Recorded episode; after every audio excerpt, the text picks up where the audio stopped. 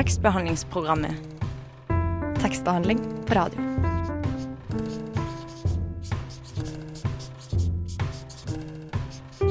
Tekstbehandlingsprogrammet.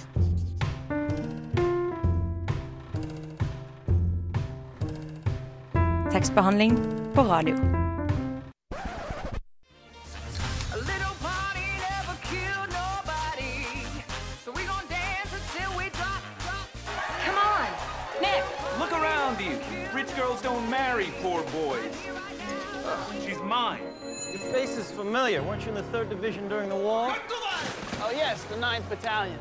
The 7th. Excuse me. I knew you looked familiar. You're having a good time, old sport? Oh, sport? the whole thing's incredible. I live just next door. Uh, he sent me an actual invitation. Seems I'm the only one. I still haven't met Mr. Gatsby. No one's met him. They say he's third cousin to the Kaiser and second cousin to the devil. I'm afraid I haven't been a very good host, old sport. You see, I'm Gatsby.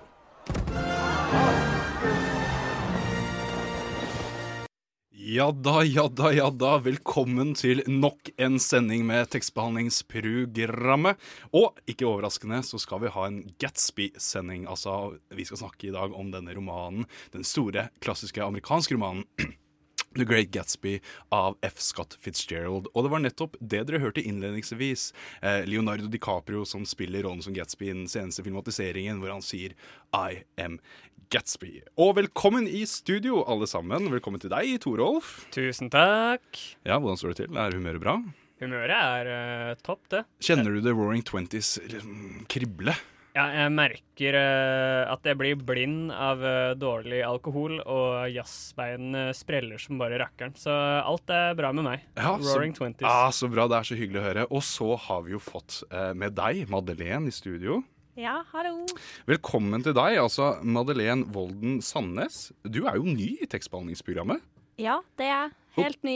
Helt ny, så dette er din første sending her i dag. Ja, Ja, Hvordan føles det? det føles bra. Ja, så Vi må jo nesten bli litt kjent med deg, så vi må lære alle, eller så alle lytterne der ute som hører på oss systematisk, om det er noen av dem, eh, kan få en mulighet. Så utenom å på en måte være akkurat i studio nå, hva driver du med? Mm, jeg studerer kunsthistorie på ja, Blindern. Jaha. Mm. Og så Ja. Ja, er, du lang, er, langt er du gammel, kanskje? Eller hvor gammel er du? Jeg er 24 år. 24 år. Er langt mm. til studiet? Første året. Første. Hvordan har det vært, da? Um, nei, det er gøy. Det er ikke mitt første første år, holdt jeg på å si, så det går nå greit. Ikke du? er det liksom Når man er 24 år på første året, så er det sånn, da har man vært innom flere ting. Ja. Man har prøvd seg ut litt. Ja. Og etter å ha prøvd seg ut litt, og først nå er på kunsthistorie, hvordan Mm. trives du med det?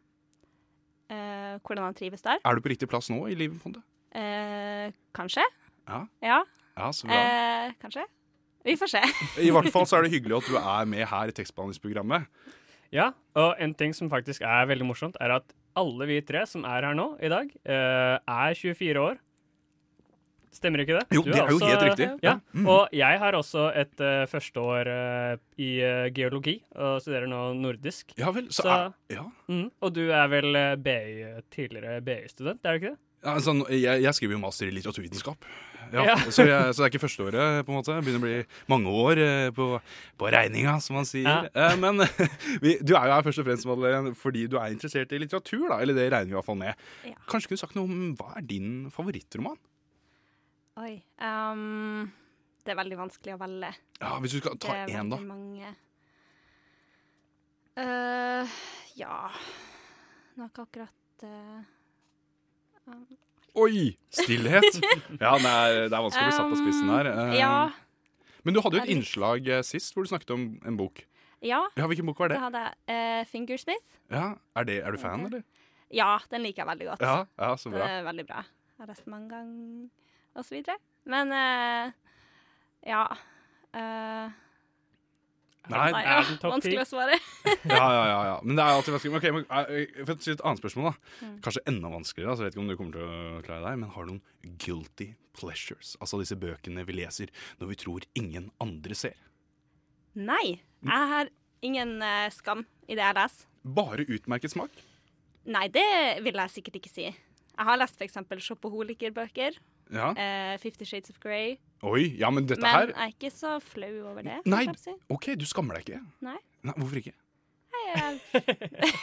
Jo, men det er et godt spørsmål, da. Er det ikke det? Ja, jo, jo, helt klart. Ja, Se på Toralf, at du ville kjent en skam om du ble tatt på bussen med Fifty Shades of Grey, ville du ikke? Jo, det ville jeg helt klart. Uh, ja, jeg har sett filmen, og skammer meg fortsatt eh, over det. Nå skal det sies at jeg har bare lest første boka fordi jeg syns språket var så dårlig at jeg klarte ikke å lese mer. Ok, Men, men, Um, men du følte ikke noen skam for at du leste den i utgangspunktet? Nei, det som var når jeg leste den, så gikk jeg på folkehøyskole, og så Mm. hadde vi en slags eh, bokklubb.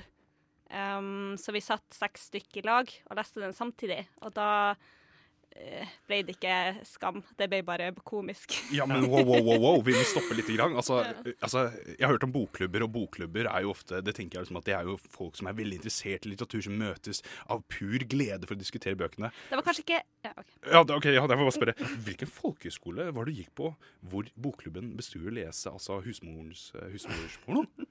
Det var eh, Haugetun folkehøgskole. Ja vel? Ikke noe litteraturlinje eller noe der. Det var bare for moro skyld. Ja. og det var vel egentlig bare den boka vi hadde i bokklubben òg, før den ble nedlagt. Ok, så det var én Men ok, så, nei, nei, nei, nei. Nå må vi jo reformulere dette. Altså, altså uh, Fifty Shades of Grey fikk sin egen bokklubb på høyskolen Ja. Ja. Folkehøyskole. Folkehøyskole. Det var litt tilfeldig egentlig at vi bare begynte å lese den samtidig, alle sammen. Jeg skjønner. Så det ble bare litt sånn at vi satt og diskuterte den og sånn. Ja, ja det, sånn er det jo. Men det, altså, det var hyggelig i hvert fall, å ha deg med i studio. Og hyggelig å bli i hvert fall litt kjent med deg. Da. Vi regner med at vi kommer til å bli mer kjent med deg utover sendingen. Men eh, vi skal jo ikke snakke om Fifty Shades of Grey i dag. Vi skal jo nemlig snakke om eh, The Great Gatsby av F. Scott Fitzgerald. Eh, som vi allerede annonserte i innledningen her. Og vi skal komme tilbake til det, men først skal vi høre en liten låt. Hvis du går hjem med noen og de ikke har bøker, ikke knull dem. Hilsen tekstbehandlingsprogrammer. Ja, der hørte vi altså Dena, eller kanskje Dina, jeg er faktisk ikke sikker, med Imaginary Friends. Og vi er tilbake her i tekstbehandlingsprogrammet med en spesial temasending, nemlig The Great Gatsby. Og første spørsmål er til deg, Torolf, redaksjonsmedlem her i tekstbehandlingsprogrammet. Hvilke forhold har du egentlig til denne romanen? Jeg har lest eh, 20 sider av den, og det syns jeg er veldig greit. Ja. Men eh, altså Så jeg har ikke sånn kjempestort eh, forhold til, eh, til romanen. Men eh, du, Madeleine, eh, du har jo lest en del Fitzgerald. Har du et forhold til han på noen måte? Eh, ja, eller jeg har jo lest flere bøker av han, og jeg er veldig glad i han som forfatter. Ja. Hvorfor det? Eh, nei, jeg syns han skriver veldig bra. Og så er jeg veldig glad i den derre eh, gjengen som han var med i, som drev og romsterte i Paris Mm. på sånn eh, 20-tallet. Ja, hvilke, husker du hvem, hvem som inngår i den gjengen, eller? Eh, for eksempel Hemingway Ja. var jo med der. Ja, ja, ja. Og veldig glad i den der bokhandelen som Sylvia Platt, tror jeg det var starta, Mm, i Paris. mm. Hengt mye der. Ja, det var jo en fantastisk var jo- tid, ja. ja.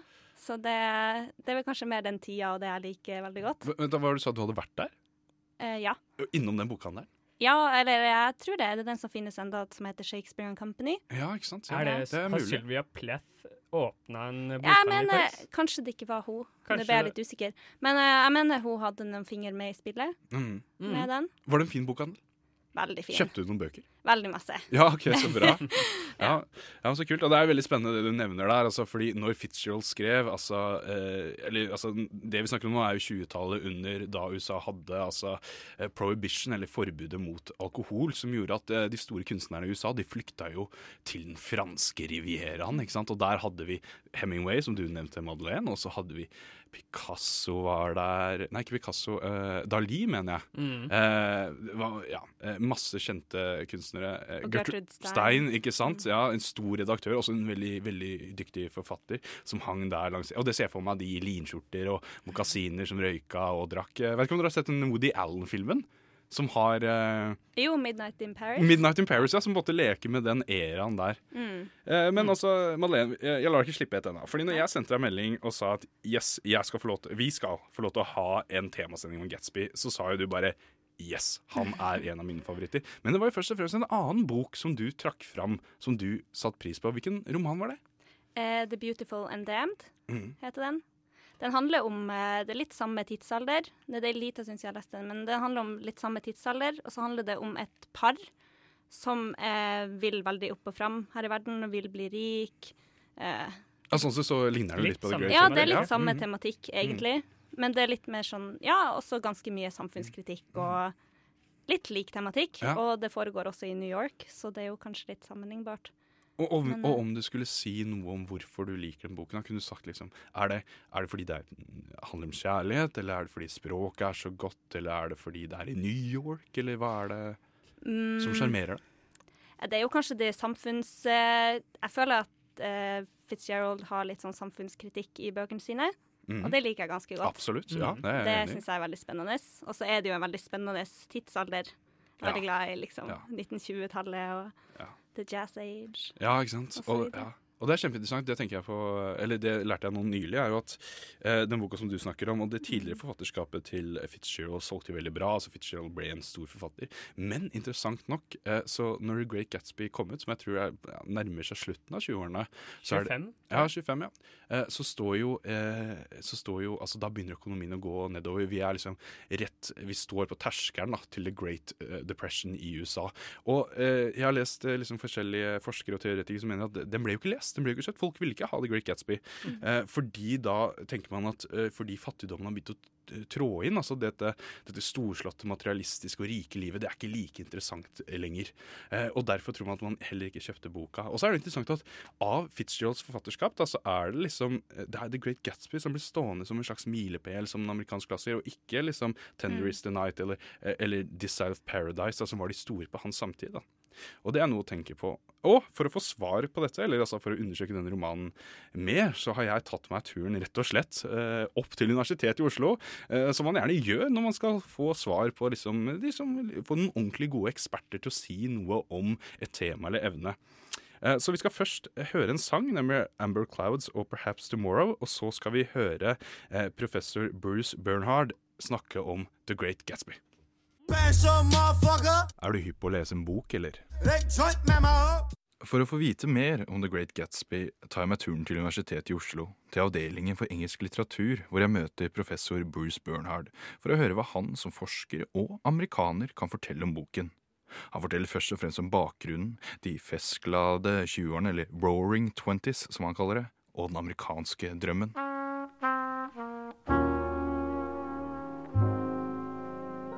The Great Gatsby is written in 1925, and that's important because it was a period of great exuberance and optimism in the United States. The economy was booming, World War One was in the past, and there was a sense that everything was possible, and that the United States was making up all sorts of cool new stu- stuff, right? Movies, you know, music, fashion, right? They didn't care that much about what Europe thought as they had in the past. It's important for the novel because uh, the main character, uh, Gatsby, who changes his name, thinks that anything is possible.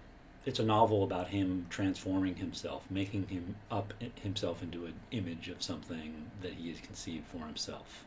Right, so it's definitely a novel breaking free from the past, and that has always been a thing that Americans and other people have dreamed about. Ja, vi drømmer. Men hva slags drømming er det snakk om i boken? Er det en avart av denne såkalte amerikanske drømmen?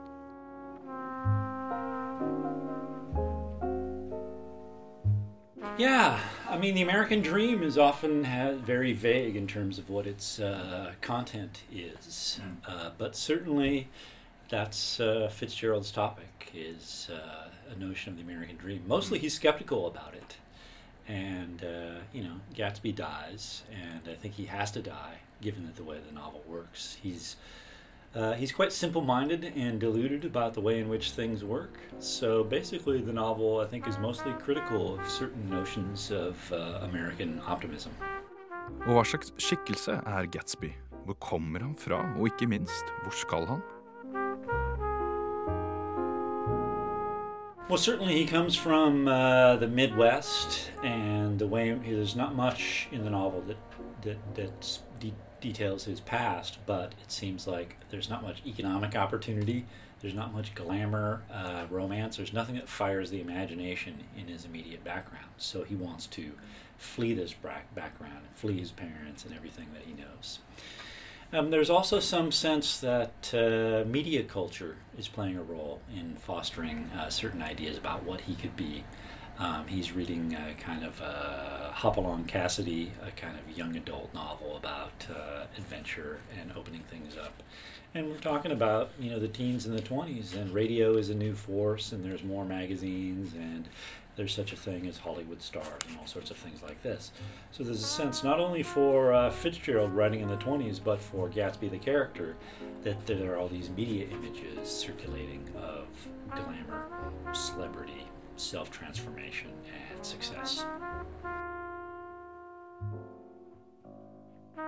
Når folk tenker på The Great Gatsby, tenker de ofte på en kjærlighetshistorie. Den selvoppofrende mannen fra fattige kår som bygger sin rikdom for å vinne tilbake en jente.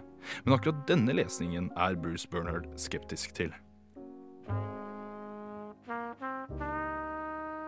I, I have to say that I find that frustrating because um, I think it's it, I think it is one of the great American novels, but it is definitely one of the most frequently misunderstood American novels. In which way? Well, I think people tend to overemphasize how much of a, a love story it is, and they oh Gatsby loved Daisy so much. If you read the novel, eh, as everybody should, there's all sorts of passages that suggest that uh, Gatsby is in love with a certain idea of what Daisy is and what she represents. And one of the things that she represents is wealth, wealth and glamour. And there's a, definitely a passage where she is equated with uh, the luxury of this year's motor car, right? As if she's some kind of uh, commercial item that can be purchased. So there's a lot of things in the novel that cast doubt on the kind of depth or sophistication of Gatsby's desire for uh, Daisy, and that she he wants her because she fits into his image of who he thinks he wants to be.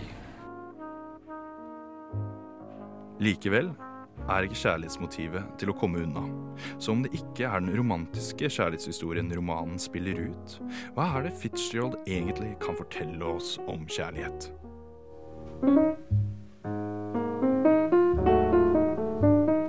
Well, he is a romantic, right? And that's the thing that Nick uh, loves about him. He has this kind of amazing capacity for romanticizing, and you know, he's a, he's a great optimist.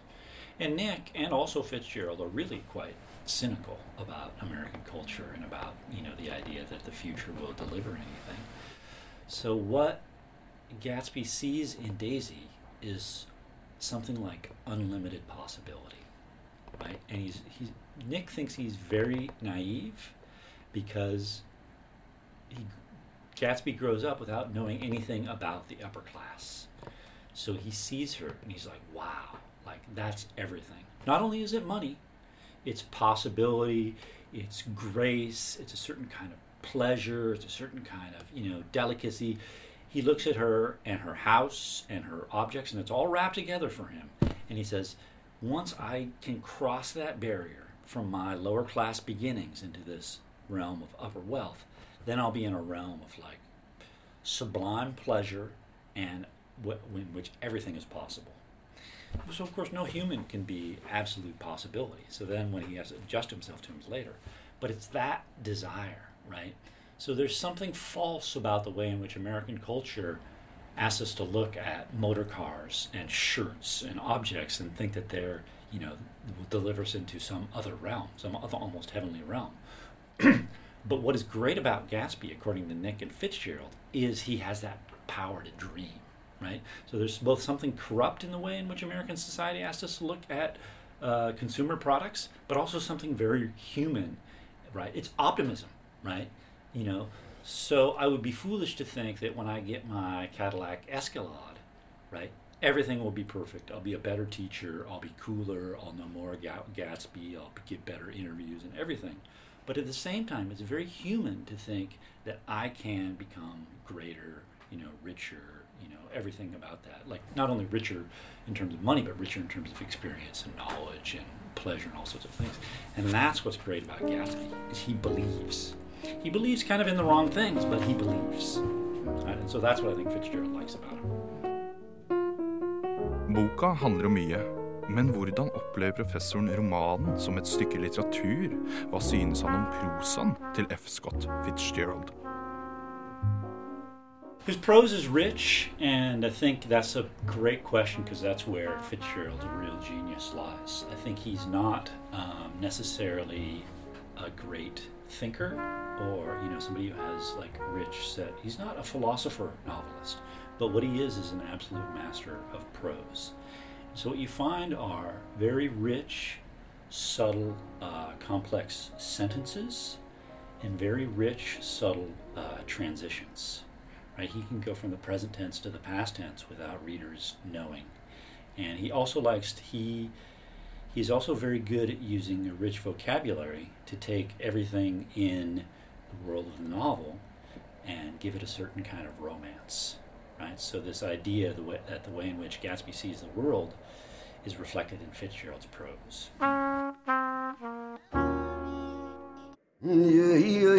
Jeg heter eh, Torolf Østmælingen. Og du hører på tekstbehandlingsprogrammet på Radio Nova.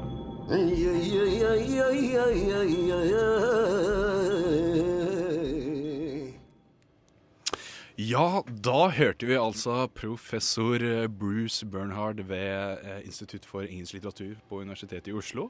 Og ja, det, jeg tok meg turen der opp i dag, og var, han var en utrolig trivelig og imøtekommende fyr som valgte å sette av tiden, en times tid til å snakke med oss fra tekstbehandlingsprogrammet, og det var artig. Jeg vet ikke, Hva syns du, Torolf, om sendingen? Jeg syns det var eh, ekstremt eh, spennende, faktisk. Han sa sykt mye eh, kule ting om eh, romanen. Og, og også nettopp det der med at det ikke var en eh, kjærlighetsroman. Altså, Nå har jo jeg bare sett filmen, men det la jeg jo merke til. Altså, eh, Gatsby er jo mye mer interessert i, i eh, liksom rikdom og liksom alt det der med ideen om Daisy og øh, øh, hvem hun er. Og det hun representerer, som da er rikdom og, og fame og hva skal man si, velstand og alt det der, som han jo ettertrakter ganske mye, fordi han jo er så, kommer fra så fattige kår og sånn.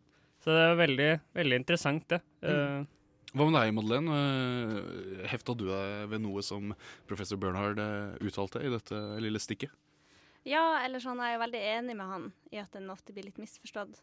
Og det Torolf snakker om nå, er jo et av de mest spennende temaene i boka. Det her forskjellen på eh, de gammelrike, eller hva man skal kalle de. Eh, Old som- money. Old money, som Tom og Daisy er. Eh, og så har du liksom Gatsby, som er nyrik, og den amerikanske drømmen og jobber seg opp. Og jeg syns det er veldig spennende. Mye mer spennende enn selve kjærlighetshistoria. Ja. Eh, Vet du hvordan Gatsby får tak i pengene sine? Hvor rikdommen hans kommer fra? Eh, ja, han er jo eh, litt illegal, holdt jeg på å si. Eller han eh, tjener vel penger på det der prohibition-opplegget. Selger sprit, alkohol, Mm. sånn type ting, Mm. tror jeg. Ja, absolutt. Men eh, det som jeg, når jeg intervjua Bernhard, da eh, Så eh, det som jeg kom i stuss over, som ikke jeg hadde tenkt på før, at jeg, når jeg først leste en roman, så tenkte jeg på som en kjærlighetsroman. Eh, men altså, hvordan tenker dere om kjærlighet i en roman? Så er det den, hvordan er det, eller hvilken fortelling om kjærlighet er det den boka egentlig har i seg? Madeleine, hvis vi starter med deg. Um, det er jo kjærlighet der, men jeg Ja, den er jo ganske overfladisk. Både på Tom og Daisy, som er gift egentlig bare fordi at de begge er rike, føler jeg. De var kanskje forelska i hverandre i starten, jeg husker ikke helt. Men i hvert fall, det er ikke så mye kjærlighet der. Og så har du Gatsby, som Ja. er veldig forelska i Daisy, men Ja, hva slags type forelskelse er det du tenker at han har overfor Daisy? han er jo mer forelska i ideen om henne, Ah, føler jeg. sant? Ja, spennende. Han er kanskje ikke så Eller han kjenner henne jo egentlig ikke så godt. Nå, og når du sier idé, altså, hva, hva tenker du fra Gatsbys perspektiv? Altså, hva legger du i hva slags type idé er det snakk om? Kanskje ideen om at hun kan gi han et bedre liv, eller Ja. ideen om hennes Eller kanskje han er Ja, jeg vet ikke. Og Torolf, har du noen tanker om kjærligheten her? Mm, ja, altså jeg tenker en ting som kanskje er veldig syende sigende i uh, forhold til kjærligheten, er når uh, Daisy i det hotellrommet mot slutten av, eh, eller sånn i to tredeler ut i filmen i hvert fall, Uh, blir presset og presset av Gatsby uh, uh, til å si at hun ikke har elsket Tom på noe tidspunkt. Ja, veldig spennende scene. Mm. Hvor hun da ikke kan si det. Altså Hun sier nei, på et tidspunkt så kan jeg faktisk ha elsket Tom. Hvor det, hvor det blir Det blir jo et slags vendepunkt i filmen nå. Eh, og uten å spoile for mye, så skjer det en eh, ganske grusom katastrofe etterpå. Mm. Eh, hvor da eh, Daisy eh, dreper eh, elskeren til eh, uten å spoile for mye. En Ja, men viss vi, vi kan spoile her, så dette er en klassisk roman. Historien er kjent Ja. for de fleste. Ja.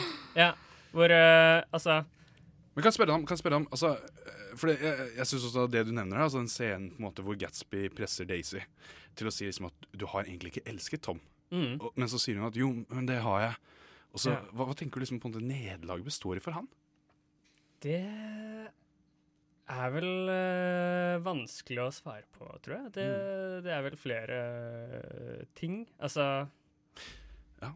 Det er vel Altså Nei, jeg vet ikke. Nei, det er jo kjempevanskelig spørsmål. Ja. Altså Alle lyttere der ute, altså dette er jo et spørsmål som på en måte har drevet uh, og blitt diskutert av lesere gjennom uh, uh, altså flere årtier, altså, når det gjelder denne romanen.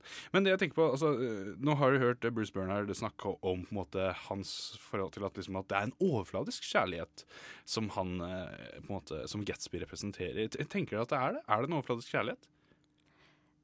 Altså, det er jo ikke det fra Gatsby sin side, kanskje. Eller sånn, han var jo, de var jo veldig forelska før han dro i krigen. Ja, nettopp. Ja. Mm. Nettopp. Og det er akkurat Men, det du sier ja. der. Ja. Uh, vil du fortsette på den? Nei, at Nei. eh, den forelskelsen kanskje er det han husker, og så ja. ja.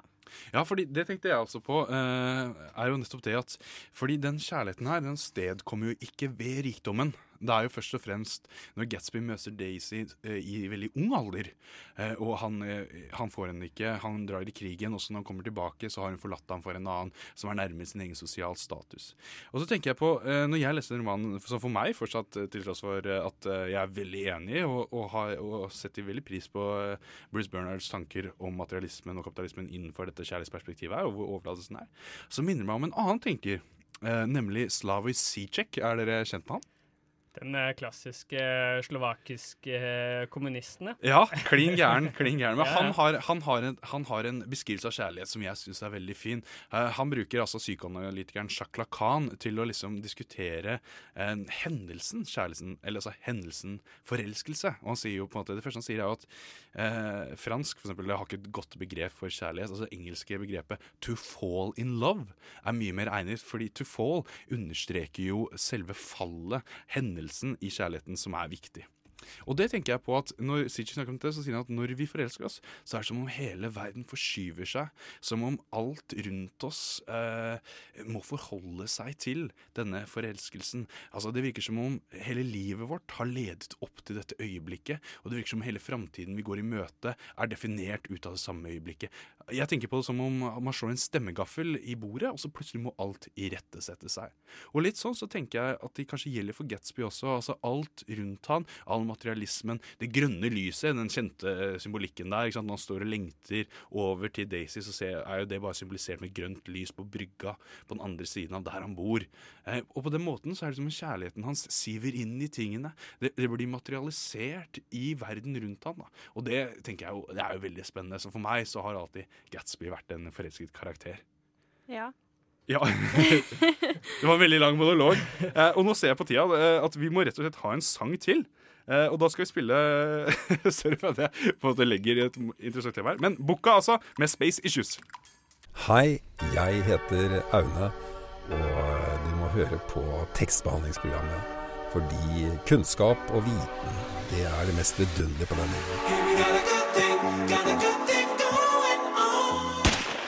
Kan du, Sofus, fortelle litt om hvordan du, eller når leste du denne boka første gang? Uh, ja, skal vi se. Ja, når jeg leste den boka Du, uh, det er jo en uh, egentlig litt sånn lang historie. Altså, det var en veldig viktig bok for meg. Eh, og det hele startet jo med at eh, jeg på videregående tok et sånt utviklingsår i USA. Dere er kjent med det? Som man gjør, ja. Som man gjør, ofte gjør. Eh, og da, altså Jeg gikk første klasse på videregående. Eh, var en veldig sånn eh, skoleflink fyr eh, som skulle bli advokat eller lege. Altså Det var en av de to, på en måte. Og så skulle jeg reise til USA og liksom lære meg språket og kulturen og liksom være en sånn verdensmann. da. Så ender det jo med at jeg havner oppe i maisåker uh, i New York. Og New York høres fint ut, men New York State er en veldig stor greie. Så jeg havna rett oppe ved Canada-grensa, utafor en skitten, skitten by som heter Rochester, i et veikryss hvor det var maisåkre på alle kanter, og en bensinstasjon. Og jeg må bare sette scenen litt for dere her. ikke sant? Fordi her kommer jeg jo som liksom jeg, altså jeg skal jo ta verden. altså jeg, skal, jeg, skal, jeg er så sulten på å oppleve ting. Jeg er så sulten på alt, alt uh, verden har å by på der ute. Så jeg reiser over, så kommer jeg til maisåkeren, og det er ingenting. Altså, Det er bare vinden mellom kornene. ikke sant? Det er null og niks. Det er en og annen bil som river forbi.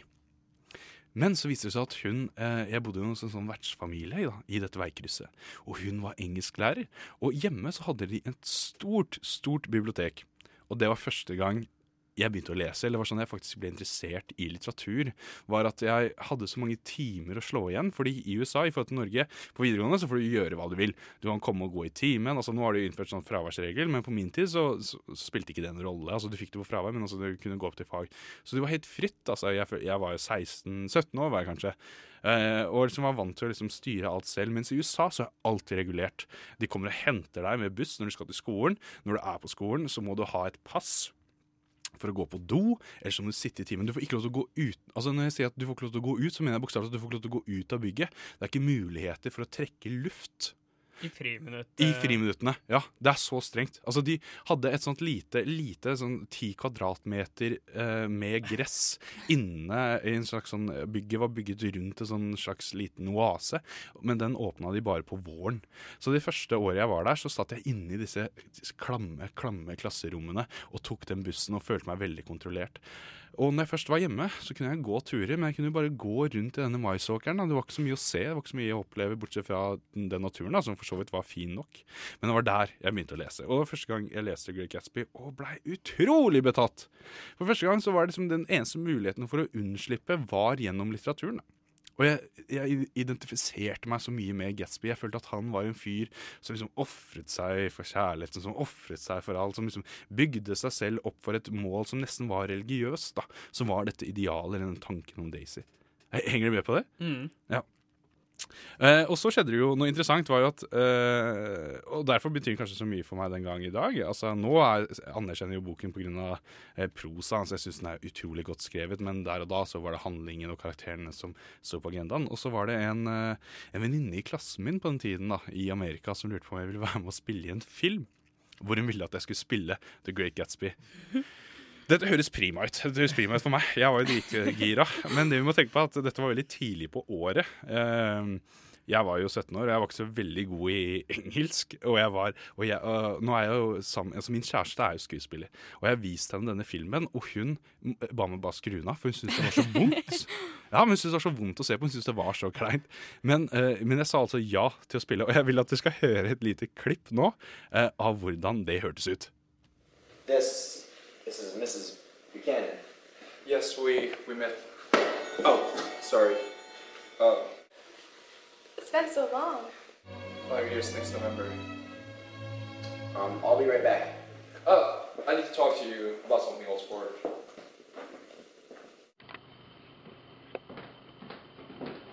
Oh God. What's the matter? This is a terrible, terrible mistake.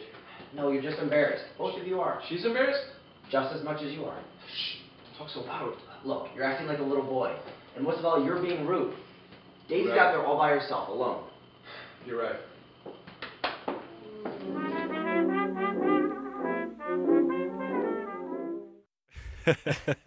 Veldig bra, veldig bra innlevelse på den old sport-kommentaren. ja, eh, så da hørte vi jo den scenen eh, eh, hvor eh, Gatsby møter Daisy første gang, hvor han eh, kløner det til og dunker til den klokka. da.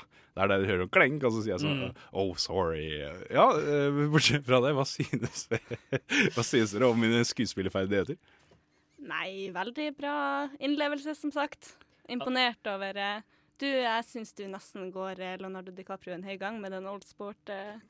Ja, det er det, det, er det å legge inn. Nei, kanskje ikke helt. Men ja. Ja.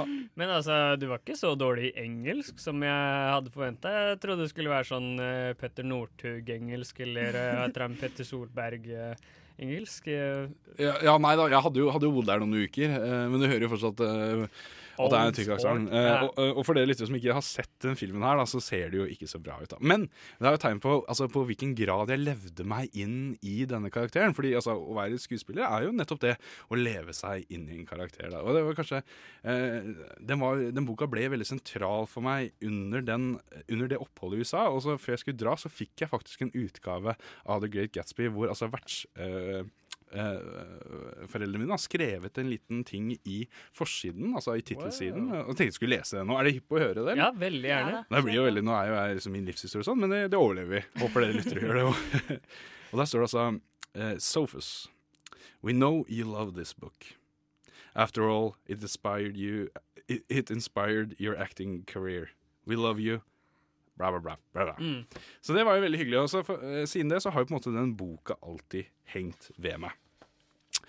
Uh, det var liksom min historie om hvordan jeg eh, først kom til å møte denne boken her. Uh, men nå tror jeg det er på tide med en ny sang. Og da skal vi høre Sophie med 'Face Shopping'. Du hører på, på Radio Nova. Radio Nova. N-O-V-A Nova. Listen to me. Yo, are you listening? Radio Ja, der hørte vi altså Sophie med 'Face Shopping'. Eh, Og vi er tilbake i tekstbehandlingsprogrammet. Og du, Madeleine. eh, Du som er ny. Du hadde nettopp kommet på din favorittbok.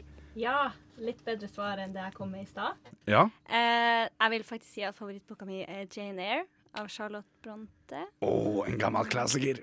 Den er veldig nær Ja. i mitt hjerte, holdt jeg på å si. Leste den veldig mange ganger. Hvor mange ganger har du lest den?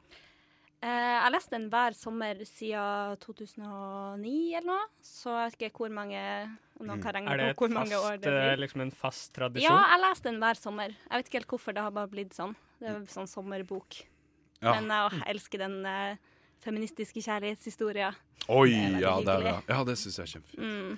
Dette skal vi jo sikkert eh, høre mer om, og de feministiske vinklingene i litteraturen er jo veldig spennende. Og du kommer sikkert til å snakke mer om det i sendingene som skal komme nå utover våren. Men eh, nå er jo sånn at tiden eh, den løper jo fra oss, da, som den alltid gjør, og vi er ferdig for denne gang. Men først vil jeg gjerne si at du kan følge oss på sosiale medier. Eh, Torolf, hvilke sosiale medier er det vi er tilgjengelige på? Vet du? Ja, hvilke er det? Det er Instagram, eh, Facebook Boom! eh, Og eh, du kan også eh, finne oss på iTunes og podkast-appen. Ja, Soundcloud. Der kommer det også en podkast hvor du kan også høre utrolig mye bra innhold. For det har vi jo. Vi har hatt et eh, Jeg syns litt selvskryt her på radioen, men vi har hatt, et, uh, hatt mange interessante forfatterintervjuer som er tilgjengelige der, så det håper jeg du ser.